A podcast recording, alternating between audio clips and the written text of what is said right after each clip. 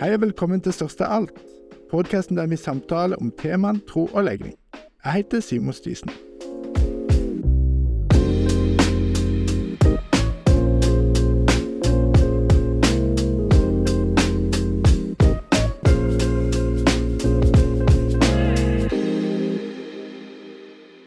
For mange er dagens gjest selve bildet på en mørkemann som har fronta konservativ teologi de siste 20 årene. Mange ble derfor overraska da han tidligere i år uttalte at han hadde endra noen av synspunktene i homofilispørsmålet. Hva har endret seg, og hva har stått fast gjennom de siste 20 årene? Velkommen til Størst av alt, Espen Ottesen. Tusen takk for det. Eh, veldig gøy å kunne være her på Fjellhaug.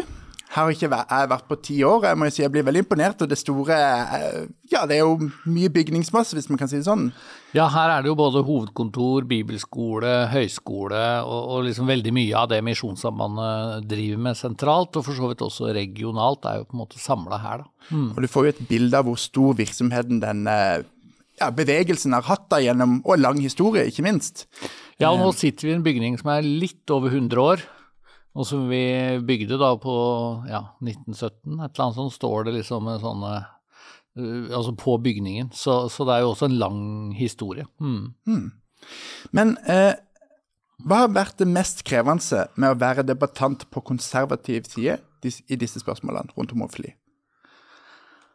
Det desidert vondeste, og det jeg opplevd en del ganger, eh, det er jo når jeg rett og slett får høre at det jeg står for, Eh, det gjør at homofile tar livet av seg. Mm. Det syns jeg alltid har vært skikkelig vondt. Eh, jeg syns det har vært veldig urettferdig. Og samtidig så må jeg jo på en måte erkjenne at det fins historier om mennesker med kristen bakgrunn eller mennesker med et kristen livssyn som er blitt så fortvila over å kjenne seg som homofil. Eh, at noen har eh, tatt livet sitt, eller forsøkt å ta livet sitt, eller i hvert fall vil si at det jeg står for, hvis de skal følge det opp da, i sine liv, så blir livet deres eh, veldig, veldig dårlig. Og jeg har vært i masse debatter og diskusjoner om dette da i ja, 20 år. Um, og jeg har av og, liksom, av og til tenkt at det, dette er håpløst, fordi at jeg kommer dit som en gift familiefar. Uh, og, det eneste jeg kommer med, på en måte, er litt argumenter og litt bibeltekster og, litt sånn. Og så møter jeg mennesker, gjerne på den andre siden, som har en historie, som har opplevelser, erfaringer. Og det, det slår jo mye tyngre i en samtale og i en debatt. Um, så det var jo også litt av grunnen til at jeg for mange år siden skrev en bok mm. om homofile kristne. Mm. Fordi jeg tenker at uh, deres stemme er jo også på mange måter mer interessant da, enn min. Mm. siden jeg da ikke er homofil, og, og, siden jeg på en måte lever i et ekteskap og har barn og, og, er i en annen livssituasjon. Mm. Og Vi kommer tettere inn på noen av disse spørsmålene de problemstillingene som du skildrer nå litt eh, ut i samtalen. Men for å begynne med litt din bakgrunn. Eh, har du alltid vært kristen? Er du oppvokst i en kristen familie? Kort, for de som ikke kjenner det. Mm. Ja, jeg vokste opp i en kristen familie. Eh, fikk nok troen på en måte sånn veldig tett inn på livet tidlig. Fordi faren min døde da jeg var fem år. Uh, og jeg har tenkt mye på det, kanskje mer og mer jo gamlere jeg blir, at det har nok formet meg veldig. Uh, fikk liksom veldig tidlig inn i livet mitt, hadde jeg nær sagt, at døden fins. Uh, jeg ble møtt hjemme med en veldig sånn sterk overbevisning om at far var i himmelen, for å si det på en litt sånn barnlig måte, og at det å komme til himmelen, det er det viktigste som fins. Eh, jeg tror jeg ble møtt av gjensynstanken. Jeg er ikke sikker på om den er så veldig kristen og bibelsk, men som femåring i hvert fall, sånn, denne tanken om at jeg skulle møte far igjen, eh, den eh, liksom festet seg i meg. Så jeg har nok alltid vært veldig kristen, rett og slett. Ja. Mm. Og vokste opp da med et bein i Norske kirke, gudstjeneste klokka 11, og litt i bedehusbevegelsen. Eh, eller på bedehuset hjemme, da. Jeg kommer fra Tønsberg. Ja. Og så går du, du, du har denne troa med deg, og så ender du etter hvert opp i samfunnsdebatten med, med, en kristen profil, må vi kunne si. Hvordan havner du der? Ja, det uh, er jo kanskje tilfeldig. Uh, så jeg, jeg, har litt medieutdannelse. Og det gjorde kanskje at jeg ikke blei så veldig redd for journalister. Jeg hadde et år på Gimlekoll mediehøgskole før jeg begynte å studere teologi. Og så begynte jeg jo da som informasjonsleder i Misjonssambandet eh, ja, for 20 år siden. da, Jeg var 32 år. Og ble kontakta av Holmgang et eh, par måneder etterpå og spurte om jeg kunne stille en debatt. Og da ble jeg vel egentlig et, et, litt sånn kjent menneske for journalistene. Så jeg tror det er ganske mange som har tenkt i en del situasjoner at uh, dette må vi liksom ha et kristent perspektiv på, eller dette her kan det bli en god debatt av, hvis vi får en eller annen tradisjonell kristen som vil si noe. Og så ble jeg da spurt om å, å stille opp, og, og da er jeg jo blitt ofte kontakta, egentlig, eh, på grunn av det. Hmm. Um, hva var det som gjorde at du ble en aktiv debattant i det som ofte omtales som spørsmål knytta til homofiles rettigheter og sånne ting? Ja, og der, der, det har jeg fundert mye på. Um, det er jo naturlig når jeg møter deg, Simon, jeg har hørt på en del av podkastene dine, og du ofte tar tak i menneskers livshistorie, så har jo ikke jeg en sånn Eh, veldig interessant historie knytta til det å oppleve seg som homofil eller bære på en hemmelighet eller komme ut av skapet og sånn. Men, men, siden jeg mista faren min som femåring, så husker jeg faktisk at, at det, var, det, var, litt snakk om, og dette må jo ha vært på 80-tallet, at sjansen for å bli homofil, den var mye større hvis du ikke hadde hatt et godt forhold til faren din, eller hvis du var oppvokst med enslig mor, som jeg jo da er. Så jeg husker jeg funderte over det som 12-åring, 13-åring, 14-åring, og husker jeg liksom hadde en slags sånn tanke om at håper jeg ikke blir homofil. Jeg håper at det er jenter jeg blir forelsket i og tiltrukket av. Um, men jeg tror, tror, ikke den opplevelsen egentlig har, har preget meg veldig, uh, eller kan forklare hvorfor, hvorfor, jeg har på en måte engasjert meg i temaet. Men, men noe av det jeg tror mange ikke ikke kanskje skjønner, eh, det er at, at min innfallsvinkel er ikke at homofili er et viktig tema. Men for meg så er på en måte Bibelen et viktig tema. Og det å stole på Bibelen, eller bygge på Bibelen, det er liksom det jeg tenker er liksom et, et veldig viktig moment ved troen min. Så når mennesker har sagt og uttalt og skrevet at det Bibelen mener om homofili, eller det som står i Bibelen om homofili, det er gammeldags, det kan vi ikke lenger ta på alvor, det viser at Bibelen er en utdatert bok. Eh, så har jeg nok kjent på et sånt ønske om å, å forsvare Bibelen, og, og, kanskje også undersøke om Bibelen kan forsvares. For jeg har vel ikke alltid tenkt at, eh, at det er helt opplagt. Men, men, for meg så er det nok, er nok dette spørsmålet kan eh, jeg, kan jeg stole på Bibelen? Også i et så kontroversielt spørsmål. Det har liksom vært det som kanskje har styrt min interesse. da. Og så, så, så jeg tror kanskje det er litt tilfeldig at det ble homofilispørsmålet. Hadde, hadde jeg vært 10-15-20 eh, år eldre, når det kanskje var enda mer debatt om samboerskap i kristen sammenheng, det var en helvetesdebatt på 50-tallet som mange har hørt om, og som skapte stort engasjement, kanskje. Kanskje ville det vært det, den type temaer folk hadde forbundet med meg, eh, i en annen setting. Men, men, så var det litt sånn tilfeldig at, eh, at når jeg begynte å engasjere meg i norsk kirkelig debatt og samfunnsdebatt, så var det veldig LHBTQI pluss som vi nå kaller det, og som vi aldri sa for 20 år siden. Ja. For det, det, det, er jo de tingene som er aktualisert, som gjør at du har tatt tak i det sånn som, som du beskriver her. Ja. Og så skrev du annet ei bok eh, som heter 'Mine homofile venner', der du forteller eh, historien til Ja, du kan fortelle. Hva, hva er det den handler om? Ja, og nå eh, er den oppdatert. Jeg utga den i på en måte en utvidet og oppdatert versjon, så nå heter den En annerledes vei.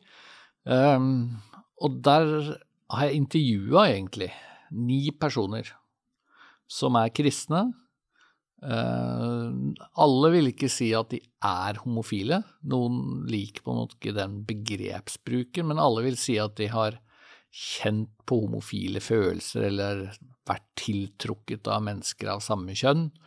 Uh, og så har de veldig ulik historie, men alle har jo da et konservativt syn på samliv, da, hvis man kan si det sånn. Noen lever som single, har gjort det hele livet. Noen har, i hvert fall én har forsøkt å gå inn i et ekteskap, eh, og det fungerte ikke.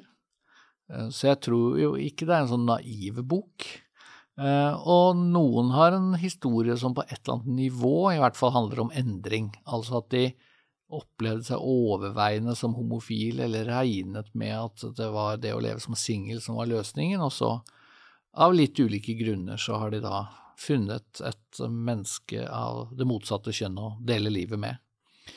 Og, jeg skrev den boka av litt flere grunner, men den viktigste var kanskje at, at jeg har liksom erkjent at mitt ståsted, da, det tradisjonelle konservative ståstedet, det går jo ikke an å forsvare hvis ikke det fins mennesker som opplever seg som homofile, um, som sier at 'dette kan jeg leve etter', da, da, blir det liksom en heterofil fyr som sier til homofile 'sånn skal du leve', og så er det egentlig en umulighet. Ja, jeg må bare ja. spørre litt, da. Er det noe bedre om en homofil står og forteller en annen homofil hvordan de skal leve, tenker du?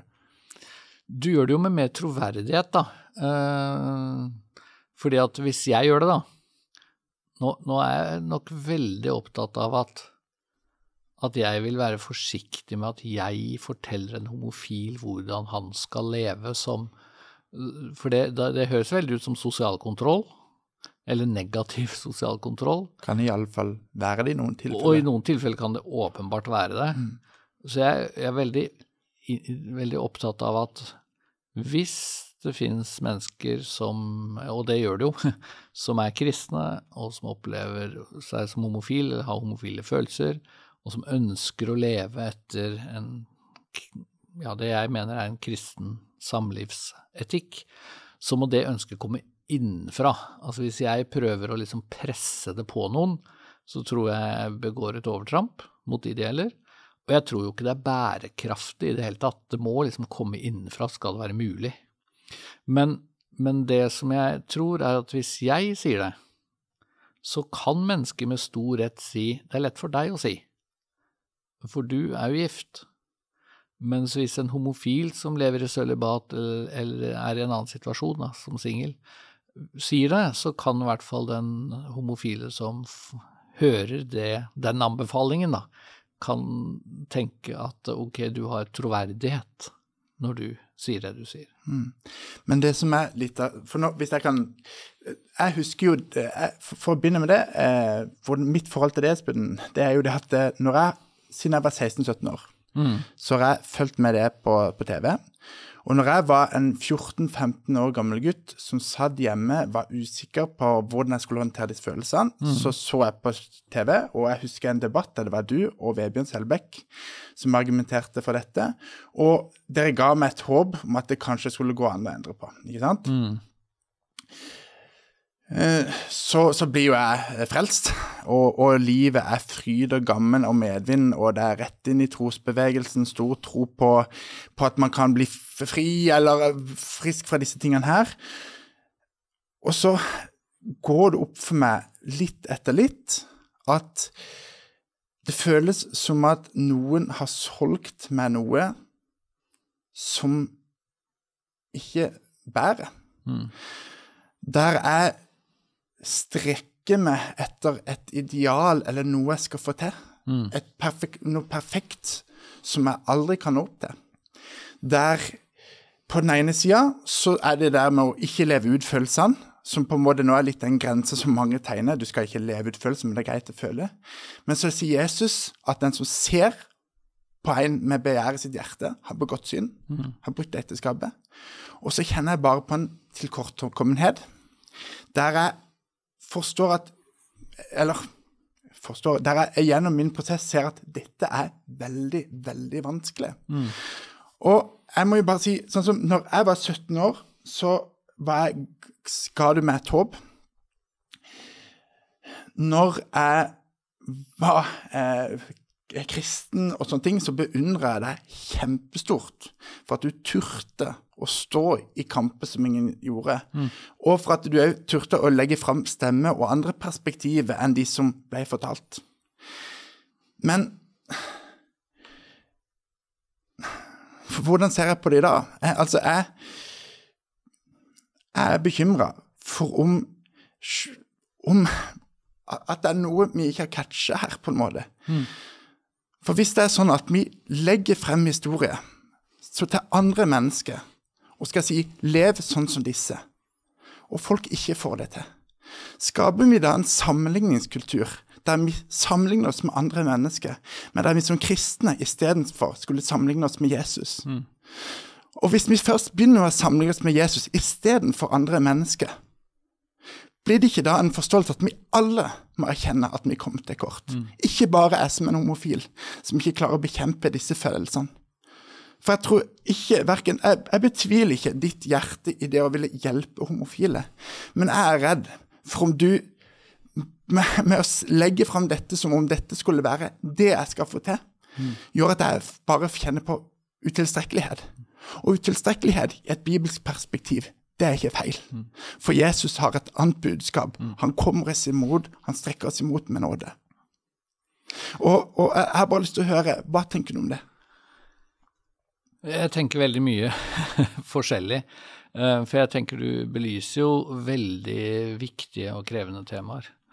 Um, Jeg tror det første jeg har lyst til å si, det er, det er bare at, at jeg tror jeg har vært opptatt av, uh, i hvert fall siden jeg leste den engelske bibellæreren John Stott, om han skrev et veldig interessant kapittel om homofili i en bok som het uh, uh, Issues Facing the Christians Today, leste jeg, tror jeg, for 25 år siden. Og han var så utrolig opptatt av å få sagt at alle mennesker, helt uavhengig av seksuell orientering, hvis vi bruker det ordet, er seksuelle syndere. Nettopp fordi Jesus sier 'den som ser på en kvinne med begjær etter henne, har begått hor i sitt hjerte', eller hvordan den nye oversettelsen nå er. Um, og for meg så har det vært utrolig viktig å få sagt i, liksom i homofilidebatten at jeg ønsker ikke at noe av det jeg står for, noe av det jeg sier, oppfattes som en slags rangering av mennesker. Og, og at jeg altså sier at hvis du er heterofil, så er du på en måte litt mer skapt som Gud ønsker, eller litt mer eh, jeg håper å si, skikkelig, eh, from, eller hvilke uttrykk man nå bruker, enn homofile. Eh, og jeg tenker jo at jeg, da, som eh, kristen eh, familiefar, jeg, jeg, må, jeg må også erkjenne at jeg er en seksuell synder. Eh, i, I den lutherske kirke så snakker man jo gjerne om i, i kirkebønnen at jeg har syndet mot Gud i tanker, ord og gjerninger. Eh, og tanker kan være like alvorlige som ord og gjerninger. Og at eh, jeg som heterofil da, synder i tanker, det er det på en måte ingen tvil om. Eh, også når seksualitet er tema. Jeg, jeg er ikke liksom født ren. Det er ikke sånn at jeg er skrudd sammen slik at et eneste menneske jeg tiltrekkes av, er kona mi. Uh, verken før vi gifta oss eller etter, på, en måte. Så sånn sett så tror jeg vi har ganske mye teologi til felles på det området. Men det som jo er min bekymring i, litt i møte med det du sier, er jo at det er også et budskap i Bibelen om at vi skal på en måte kjempe mot synd. Eh, og vi skal prøve å strekke oss mot eh, det som er eh, på en måte rett og sant.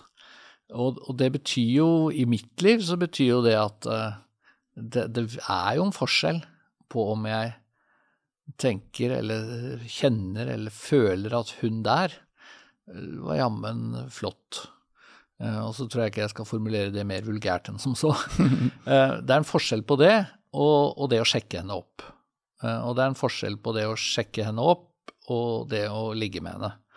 Um, og, så, og, så, er jeg jo klar over at da, da vil veldig mange tenke, sikkert du og Simon, at uh, ja, men det er jo en kjempeforskjell på at en singel homofil person går inn i et forhold som er gjensidig og så videre til en av samme kjønn, og at jeg f.eks. er utro mot kona mi. Og det er jeg jo helt enig i. Så, så parallellen holder jo bare et bitte lite stykke på vei. Men sånn prinsipielt så tenker jeg vi er alle seksuelle syndere, men vi har alle en, en jobb å gjøre da, når det gjelder å eh, si nei til det å leve i samsvar med synden. Um, det syns jeg var kanskje det enkleste å svare på, tross alt. Det vanskeligste ved det du sier, er jo hva slags håp ga jeg? Hva slags håp har jeg formidla på TV-skjerm? Um, og det er jo på det området jeg kanskje har endra litt syn.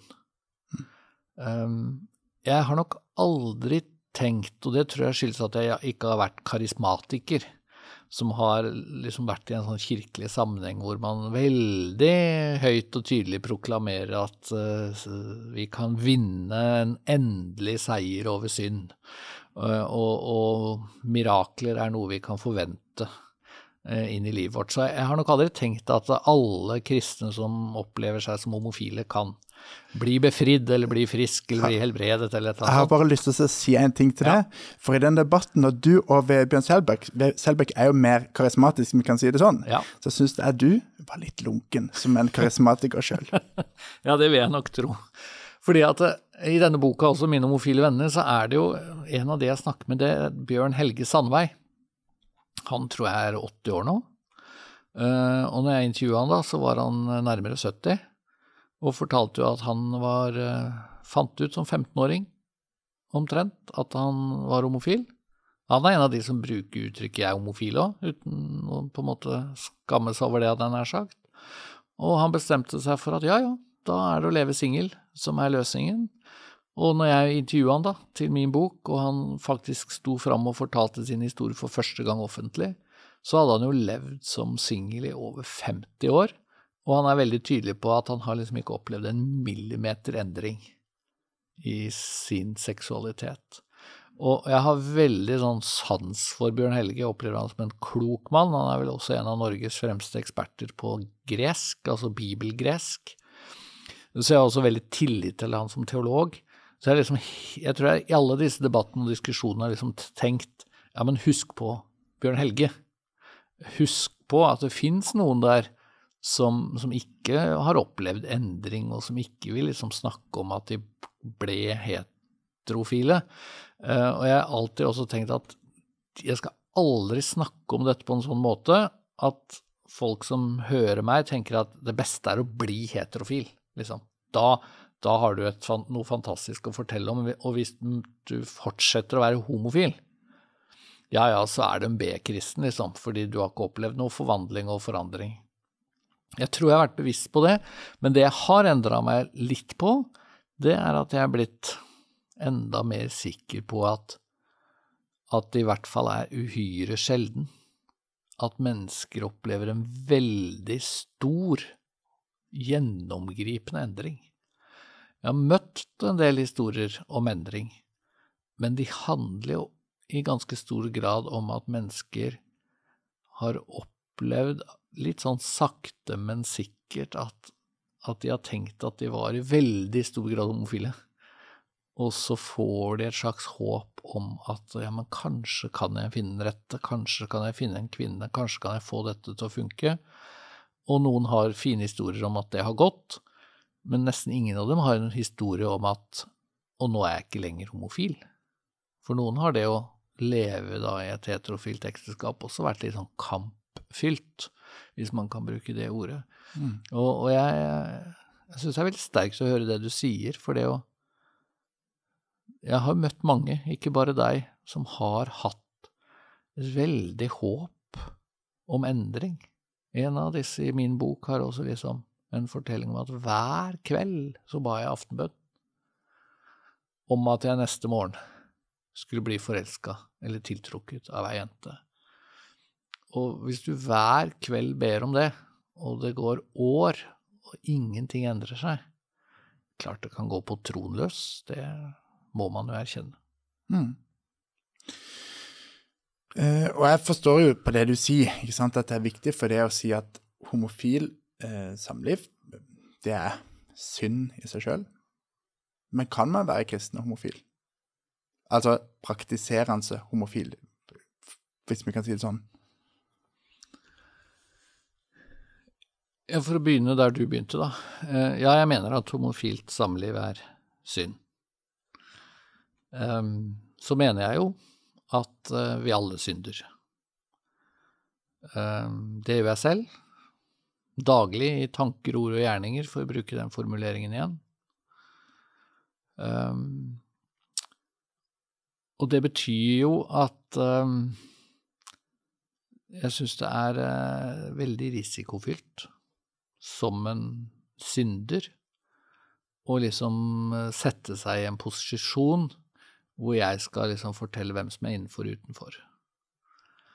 Eh, det er veldig fristende, og noen vil si feigt, eh, at jeg da sier at dommen hører Gud til. Dette får jeg overlate til Gud, det er han som skal dømme. Eh, men det mener jeg er viktig. Jeg tror at når spørsmål er liksom evig frelse, evig fortapelse. Det er, det er veldig alvor rundt dette som jeg liksom ikke kommer rundt. Men det er viktig for meg å liksom ta minst tre skritt tilbake og si at dette det er den gode Gud, den fullkomne Gud, den rettferdige Gud som skal dømme. Det er ikke min jobb. Men, men jeg innrømmer jo også, og, tenker jeg må jo være så ærlig å si, at uh, hvis et menneske sier til meg er det liksom forsvarlig, uh, er det greit, å leve i et homofilt forhold og være kristen, er, er liksom den kombinasjonen god? Er den mulig? Så, jo, så, er jo min på en måte veiledning nei. Altså, ikke gjør det.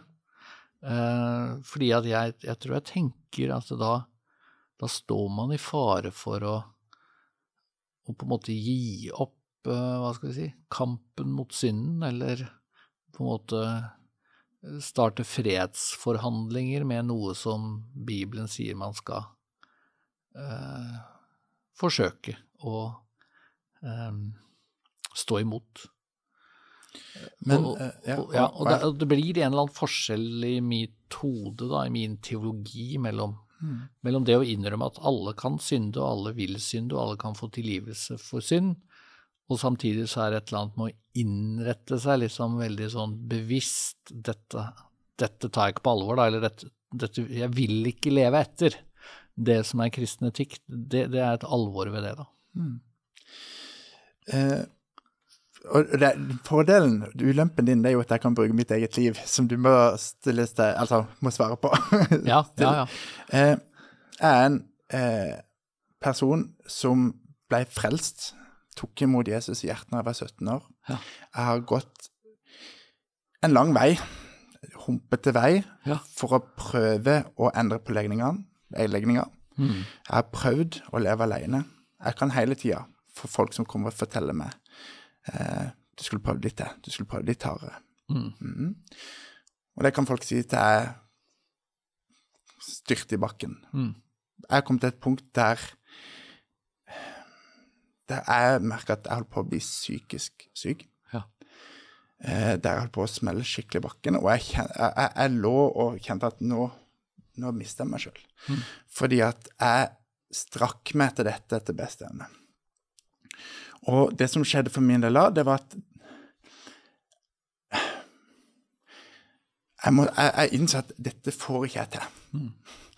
Og da kom jeg tilbake til den, det jeg fikk tak på som 17-åring nåden for å bære meg. Mm. Jeg klarer ikke dette sjøl. Og så, når jeg først hadde gått på den smellen, og når jeg nå skulle se tilbake på livet mitt mm.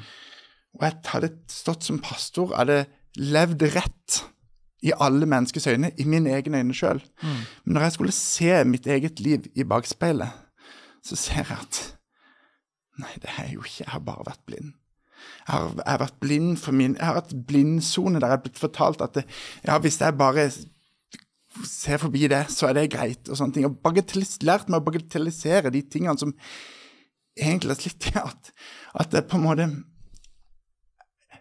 At Gud er blitt mer hellig for meg. Mm. Hvis du skjønner hva jeg mener. Det er ikke eh, at, at, at, Når jeg ser på meg sjøl og tenkte at jeg var rein, så er det som at istedenfor når jeg leser Bibelen og speiler meg i Guds ord og ser mitt liv hele den veien, så ser jeg at jeg har aldri, aldri vært i en kvalifisert til å være en representant for Gud. Mm. Verken når jeg jobba som pastor og ikke levde det ut, eller når jeg nå har kjæreste.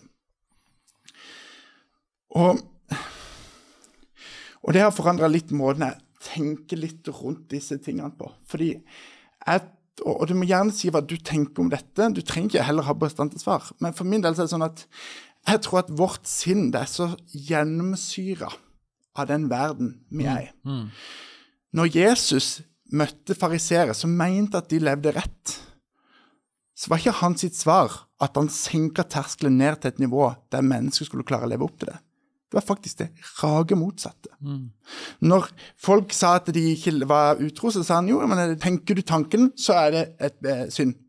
Når, når, hans, eh, når, det var snakk om den rike mannen, så sa han at det, det, er lettere for en kamel å komme gjennom nåløyet enn for en rik mann å komme inn i Guds rike.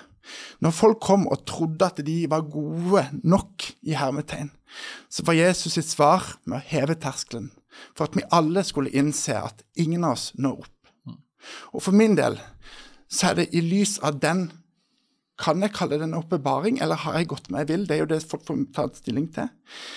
Der Gud er blitt hel mer hellig, og nåden er blitt enda større. Jeg er en synder, hvis vi legger til grunn at homofili samlet til synd.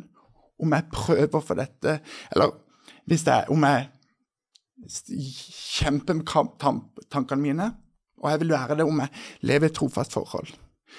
Paulus sier at eh, det beste hadde vært om vi alle levde alene.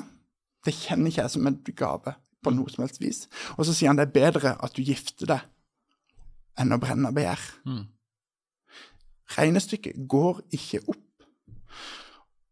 Og når det er utgangspunktet, at jeg ikke er innafor eller utafor, men jeg er bare et menneske som har fått tak på hørt Jesu røst midt inn i livet som sier 'følg med'. Og så strekker jeg meg etter det. Og Da forandrer ikke bildet seg av hva som er rett og galt, men det forandrer seg av hvem jeg er, og i hvilken posisjon jeg står i å møte med andre mennesker. Jeg kan ikke stå og tegne en strek og si du er innafor eller utenfor, sånn som de bare litt forventa at jeg skulle gjøre når jeg var pastor. Jeg kan huske jeg hadde en jeg, jeg tror på avholdssaken. Jeg kan huske at det var en 18 år gammel gutt som var russ, som kom og grein til meg og sa han, Simon, jeg har smakt alkohol, kan jeg fortsatt kalle meg kristen?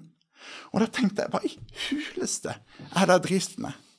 Har jeg gjort denne tingen, det, som er et menneskebud, for å si det rett ut, så viktig at folk stiller spørsmål om de kan kalle seg kristne? Da har jeg bomma totalt. Og da spør jeg meg, har jeg med den måten jeg har lagt fram disse poeng, tingene på, avvist mennesker som egentlig hørte Gud til, med å si at de ikke får det til, med mindre de lever opp til en slags minstestandard som er skapt som menneske. Og da har det blitt litt sånn for min del at disse idealene av rett og galt, de ligger der framme. Men det handler ikke om å være innafor og utafor. Og da blir min situasjon som en homofil. Jeg er en homofil som ønsker å følge etter Jesus. Men jeg lever i en verden som ikke er fullkommen. Det nye riket, det skal komme, og vi lever i en overlapping. Hva er da best? Er det at jeg skal gå rundt og brenne av begjær, ha syndige tanker, eh, kanskje gå på en smell annenhver uke, annenhver, hva, hva enn det skulle være? Eller er det kanskje best at jeg lever tettest opp på idealene? Hvis jeg finner meg én mann i livet som sier jeg vil være trofast sammen med det resten av mitt liv, i gode og onde dager. At vi lever som et heterofilt gift ektepar all den tid vi allikevel ikke vil være kanskje innenfor definisjonen av et ektepar, men at vi etter beste evne lever opp til de idealene som Gud tegner for samlivet og seksualiteten. For er det ikke det vi alle kristne gjør? Vi strekker oss etter noe som vi aldri vil få til. Hva tenker du? Igjen tenker jeg jo ganske mye, eh, så jeg får prøve å systematisere. Det er sterkt å høre det du sier. Eh, og jeg har lyst til å starte med, med, det som jeg egentlig føler jeg ikke kan kommentere, for jeg kan ikke lese korrektur på ditt liv. Eh, du sier veldig sterkt at det å leve som singel, det, det, gikk bare ikke. og da kan jo ikke jeg sitte her og si du prøvde ikke hardt nok, eller nå skal du høre, Simon. Det, mm. det, det, kan jeg jo ikke. Men jeg vil likevel si litt mer sånn generelt at jeg er nok blitt mer og mer opptatt av også at kristne mennesker og den kristne menighet må bli mye bedre på å presentere alternativer til kjernefamilien, for å si det enkelt. Eh, det er jo også noe jeg har lært av en del av disse uh, homofile vennene mine. Uh, og Bjørn Helge Sandveig, som jeg nevnte i stad, som, som, har levd singel hele livet og hadde gjort det i 55 år når jeg intervjua han. Um, og veldig mange av de har jo snak, sagt egentlig mye av det som ligner på det du sier, at det er vanskelig, at det er krevende. Og noen av de har også sagt at, at kirker og menigheter gjør det enda vanskeligere, for de er så familieorientert. Og jeg tror også at det finnes for mange pastorer og ledere som har sagt ting i retning av at um, ekteskapet uh, og familieliv og barn, det er liksom veien til lykke. Uh, det er det Gud har som plan for oss alle. Og hvis du sier sånne ting, så er det klart det blir uh, å legge stein til byrden, da. For de som Eh, og det kan jo være mange flere enn de som faller i din kategori, da, for å si det sånn. Det kan være mennesker som er heterofile, og som bare drømmer om å finne en å dele livet med, og det, de finner det ikke. Eh, det kan være skilte. Jeg tror vi lever i en kultur hvor det å på en måte gifte seg på nytt, av og til gifte seg på nytt veldig raskt, det, det, skjer fordi at kulturen er så parorientert, kulturen vår er så familieorientert noe så banalt som økonomi også, det å leve som singel. Det å ha liksom hus og, og hjem eh, og plass, og betale for, for det med én lønning. Kjempevanskelig. Så, så, jeg skal ikke lese korrektur på ditt liv og din historie. Mm. Den, den, den liksom, jeg hører den og, og, tenker at det gjør veldig inntrykk.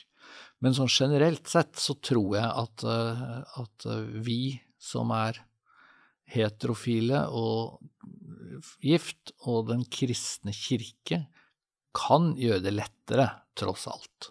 Mm. Eh, og kan være bedre på å inkludere og ivareta de som ikke kan eller ønsker eller vil gå inn i et homofilt forhold. Mm. Og Der tror jeg du er inne på noe som er Uansett hvordan du vrir og vender på det, uansett hvor streng du vil være streng i hermetegn du vil være med homofile som velger å finne seg en av samme kjønn, så er jo eh, uansett her Altså, her har man bomma sårt, tror jeg. Og her tror jeg man har noe å lære katolikkene. Jeg tror man har mye å lære mange. At, at eh, Ja, du nevner det. Det er så mange mennesker som ender opp eh, av ulike grunner alene i livet. Ja. Og, og, og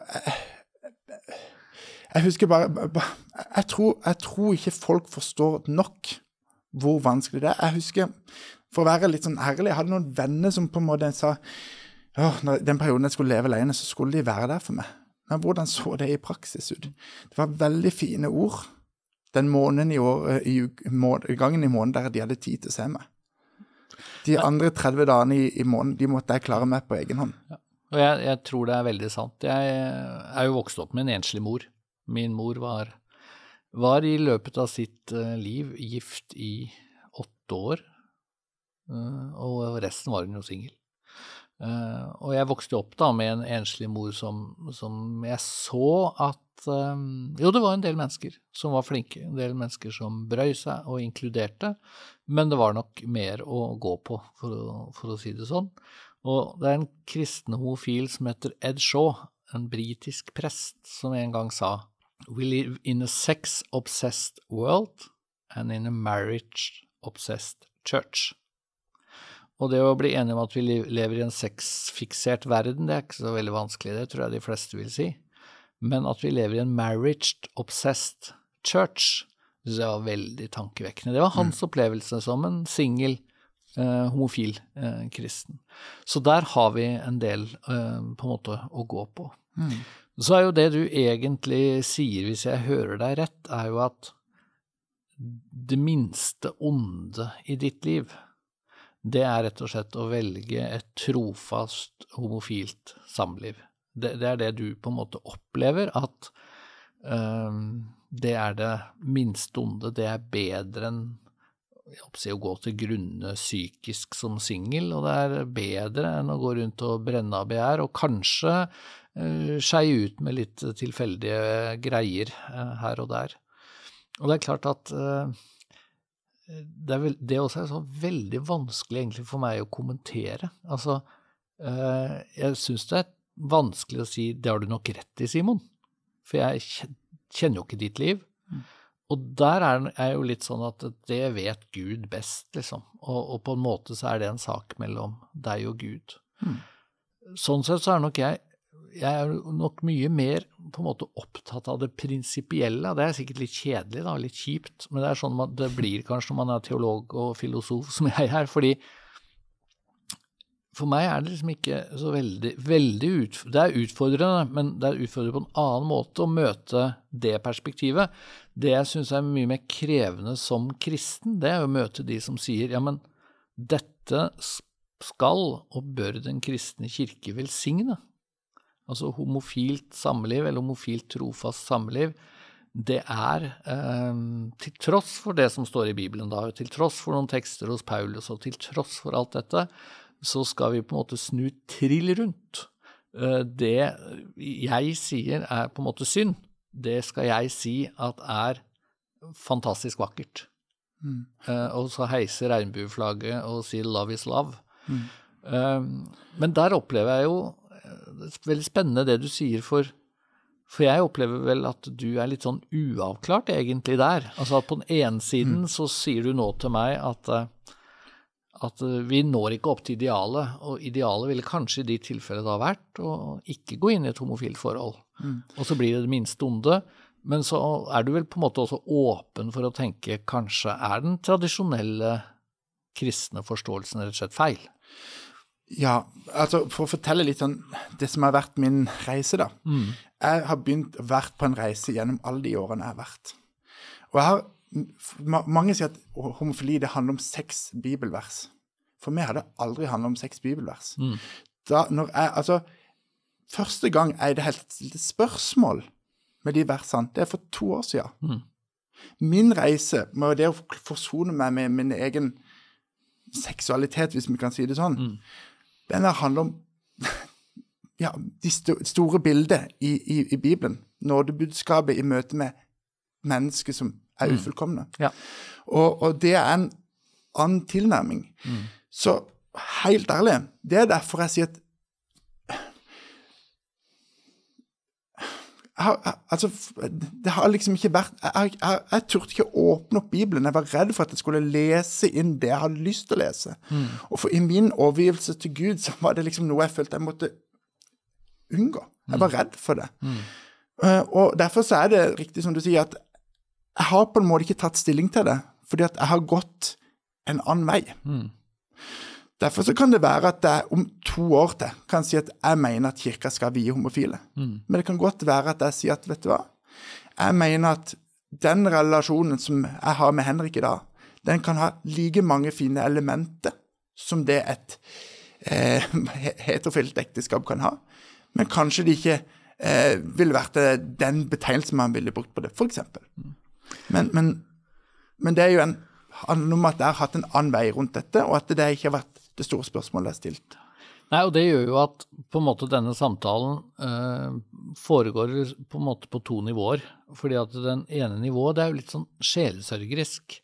Og der er jo jeg litt sånn usikker på eh, hvor dypt inn i sjelesorgens rom skal man gå i en podkast. Mm. Fordi at, at, når du sier så sterkt som du gjør at at det, det, oppleves som det minste onde da, å, mm. å gå inn i et, i et forhold uh, på den måten, og at uh, det å leve som singel går på psyken løs, så er vi jo på en måte litt sånn i det sjelesørgeriske rom. Og, og, som sagt, jeg vil ikke trampe rundt i det rommet som en elefant. Uh, jeg må ta og, og, og din på en måte historie på alvor.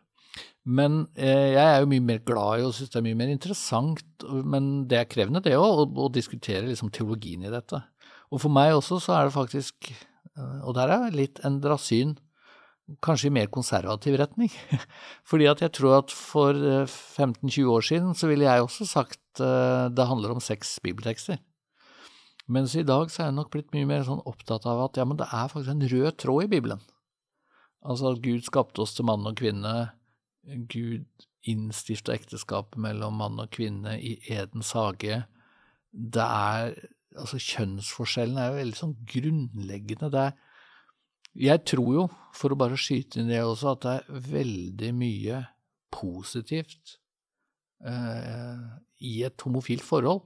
Altså, jeg ville jo ikke falle meg inn og si at et homofilt forhold er liksom syndig fra A til Å. Jeg regner med at det er jeg håper å si, gode samtaler, sterkt vennskap, mye lojalitet. Altså det går an å lage ei lang liste over ting som er fint i et homofilt forhold. Men det er samtidig noe annet et homofilt forhold enn et ekteskap mellom mann og kvinne. Det mener jeg liksom at det er en slags rød tråd i Bibelen. Og, og det er jo på et vis det jeg kanskje mener sterkest da, i denne debatten, at, at uh, det går ikke an å, å liksom snu tvers rundt på hele teologien, uten at det får ganske dramatiske eh, konsekvenser. Da, da, får vi rett og slett en litt sånn annen forståelse av hva det betyr at Gud har skapt oss med en plan, og at Gud har innstiftet et ekteskap. Um, men på det sjelesørgeriske nivået så er jo dette kjempekrevende. Og det er klart at uh, i alle situasjoner, i alle møter med mennesker, så, så, kan man komme i den situasjonen du skildrer også, at noen sier ja, men ingen løsninger er egentlig gode. Eh, og hva gjør man da? Og da, da er det sannelig ikke lett alltid å gi gode råd. Mm. Og det er jo det jeg har vært i samtale med mange ulike folk gjennom flere år, og som først for et år siden jeg begynte å sette litt ord på i offentligheten. Mm. For jeg har vært i mange rom der folk sier jeg vet ikke. Og, og hva gjør vi når vi ikke vet, og jeg står der og skal på en måte leve livet? Jeg, jeg, jeg har veldig god forståelse for det. Eh,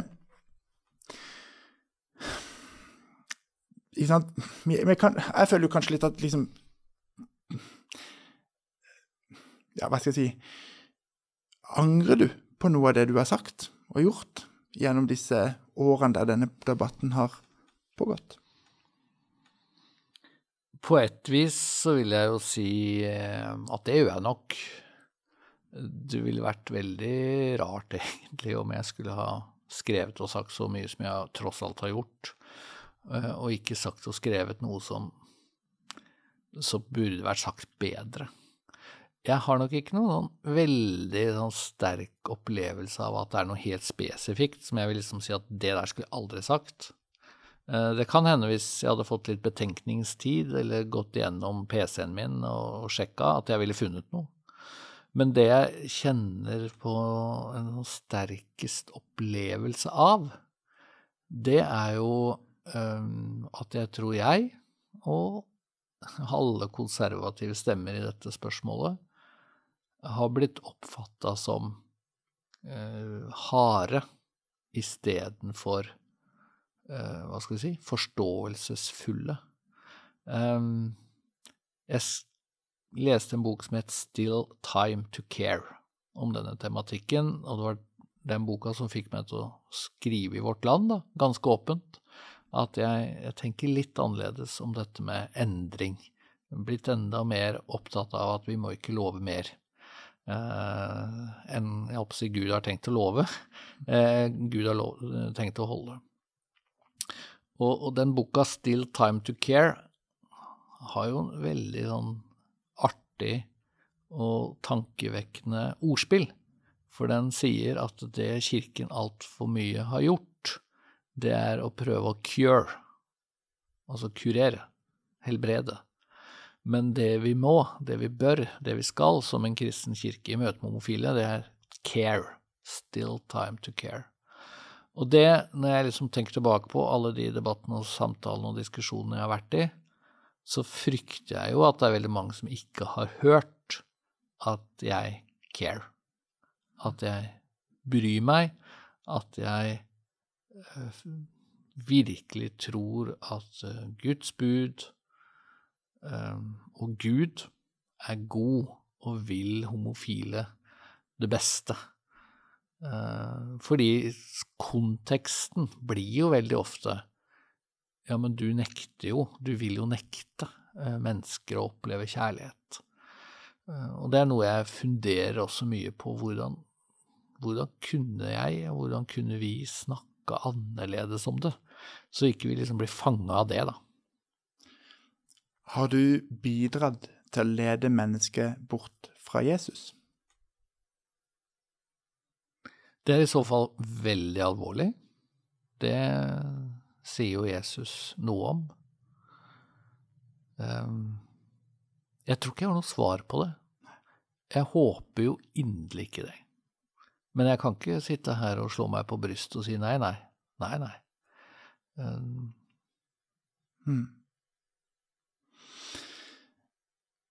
Hva er det viktigste du har lært gjennom eh, disse 20-30 årene i disse tingene?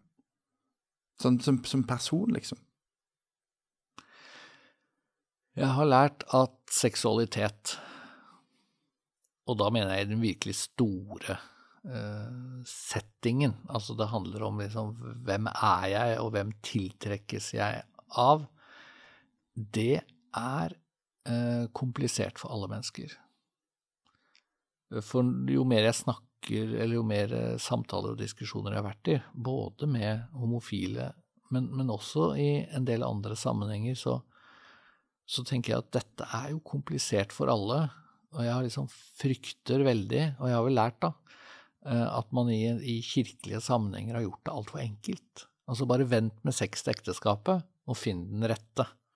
Det har liksom vært litt sånn mottoet, og så går på en måte resten av seg selv. Jeg er nok blitt veldig opptatt av at dette er krevende, også for heterofile. Også for mennesker som kommer fra brutte relasjoner, som har opplevd mamma og pappa skille seg.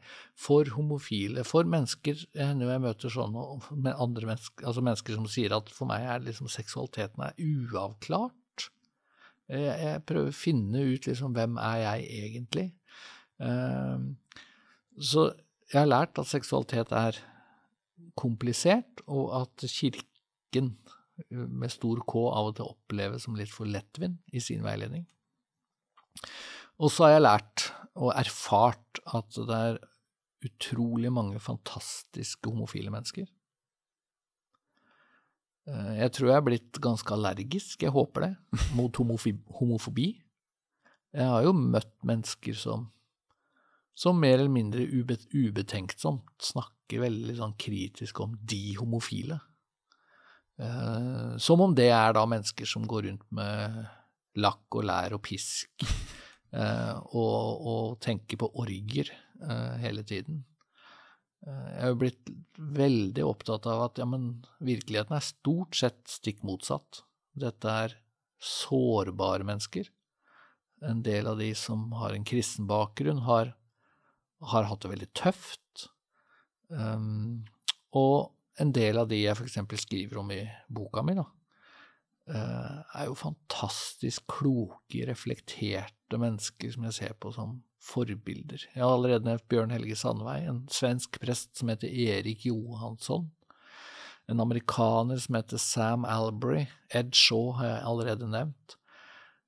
det er noe av de, de klokeste mennesker jeg har møtt. Så jeg, jeg nok, har nok på en måte lært at, eh, at homofile kristne, homofile teologer, de kan overgå oss heterofile med god margin. Hmm. Eh, takk for alt det du har delt, eh, Espen. Eh, til slutt har jeg bare lyst til å spørre deg. Hva er det aller viktigste du vil si til de lytterne av denne podkasten som er homofile? Det aller viktigste å si er at eh, de er skapt av Gud, elsket av Gud. De er ikke annenrangs mennesker. De skal aldri ses på som annenrangs kristne. Og så håper jeg og ber om at de skal oppleve å bli møtt med varme og godhet, og kanskje til og med litt sånn positiv nysgjerrighet i menigheter og kristne sammenhenger. Og så har jeg lyst til å beklage, litt sånn på vegne av oss som er såkalt konservative, og som kan oppfattes også som litt lettvinne, fordi vi lever i et homo, kanskje i et heterofilt samliv, og, og, ikke liksom skjønner kostnadene og utfordringene ved å være homofil. Jeg vil beklage at vi i for liten grad har klart å kombinere det å, å stå for noe, som jeg fortsatt holder fast på, men å gjøre det med varme og godhet. Tusen takk, Espen Olsen. Takk for at du lyttet til podkasten Størst av alt. Har du innspill, tilbakemelding eller en historie som kan være verdt å fortelle, kan du ta kontakt via vår Facebook-side Størst av alt. Vi håper du liker podkasten, vil abonnere på den og anbefale den til andre. Lykke til med samtalene.